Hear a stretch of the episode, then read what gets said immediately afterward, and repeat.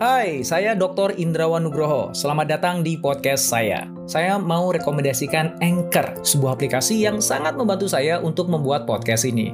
Layanan Anchor itu gratis dan kamu bisa download di App Store atau Play Store atau bisa juga diakses di websitenya www.anchor.fm. Yuk, mangga dicoba.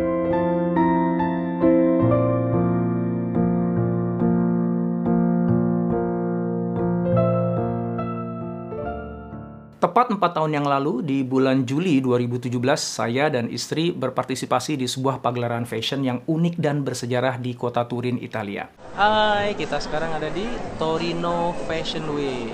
Untuk pertama kalinya, sebuah pagelaran Fashion Week dunia menghadirkan kategori modest fashion atau busana muslimah. Bahkan nggak tanggung-tanggung. Dari tujuh hari total durasi pagelaran, tiga harinya dikhususkan untuk modus fashion. Dan hebatnya lagi, kita diminta mengisi fashion show penutupan. Yang itu biasanya diisi hanya oleh brand-brand besar dunia.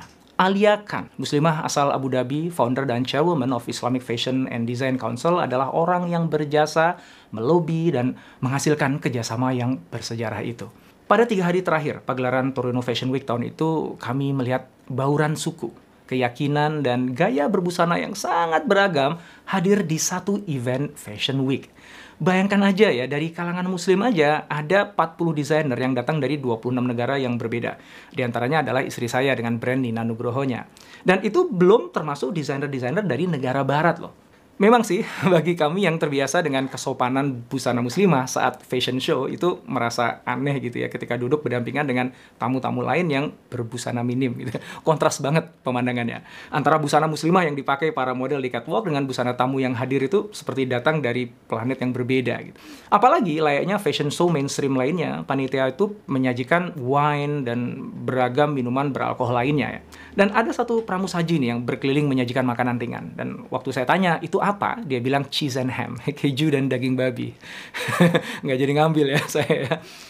Kalau pemandangan seperti itu dilihat oleh beberapa kalangan tertentu, bisa jadi mereka akan punya pandangan negatif pada kami. Bisa jadi kami dibilang menggadaikan Islam demi fashion, atau bahkan dianggap telah menempatkan kesakralan busana muslimah di tempat yang nggak seharusnya gitu.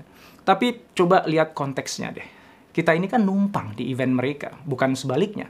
Seperti dulu waktu saya ngekos ya, waktu saya kuliah di kota Melbourne di Australia, ibu kos saya itu adalah seorang Nasrani keturunan Belanda dan setiap malam minggu saya selalu diundang untuk mengikuti tradisi makan malam keluarga besarnya.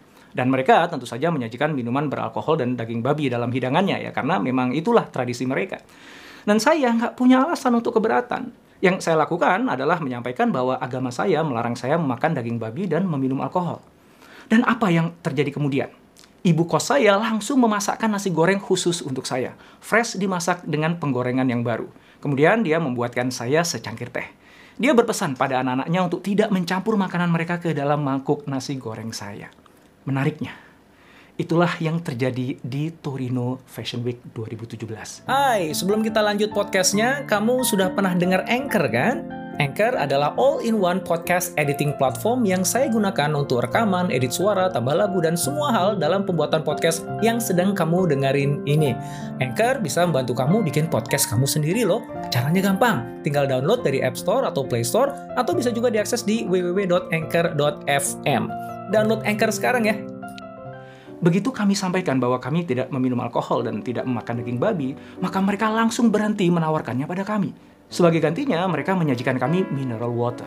Dan ingat ya, ini terjadi di negara yang beberapa waktu sebelumnya itu diberitakan masyarakatnya sempat geger hanya karena menemukan sebuah sajadah tak bertuan tergeletak di tempat umum.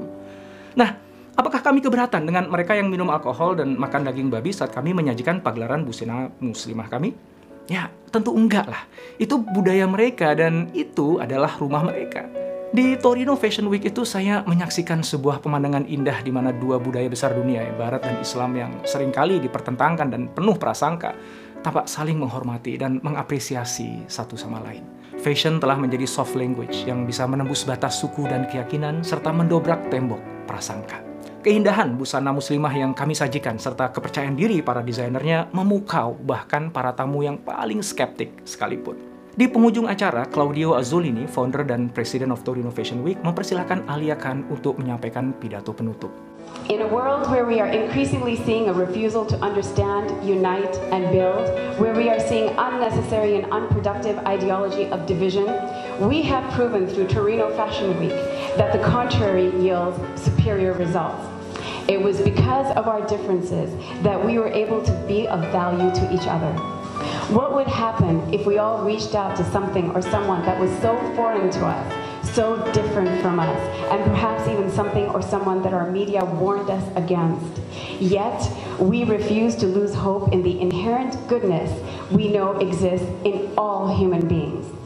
Give yourself a bigger purpose. Don't deny yourself the leadership role that you were born with. Each one of us listening to this have ideas on how we can unite two different worlds together. So let now be the beginning of your fabulous project that has an important purpose, like Torino Fashion Week has proven its purpose in being the pioneer of unity between two different worlds that end up creating powerful beauty of unprecedented magnitude. Keesokan harinya, Alia cerita langsung pada saya. Dia bilang setelah acara itu, nggak sedikit orang penting Italia yang datang padanya dan berkata, Pidatomu dan apa yang saya saksikan dalam tiga hari kemarin telah mengubah pandangan saya tentang Islam. Terima kasih telah membuka mata saya. Torino Fashion Week 2017 adalah sebuah permulaan. Para fashion designer muslimah kita akan terus berjuang masuk ke berbagai fashion week mainstream dunia lainnya untuk menghadirkan Islam dari sudut pandang yang berbeda. Biarlah karya yang bicara, karena karya tidak punya prasangka. Dan karya yang lahir dari hati yang tulus akan mampu menembus hati yang paling keras sekalipun.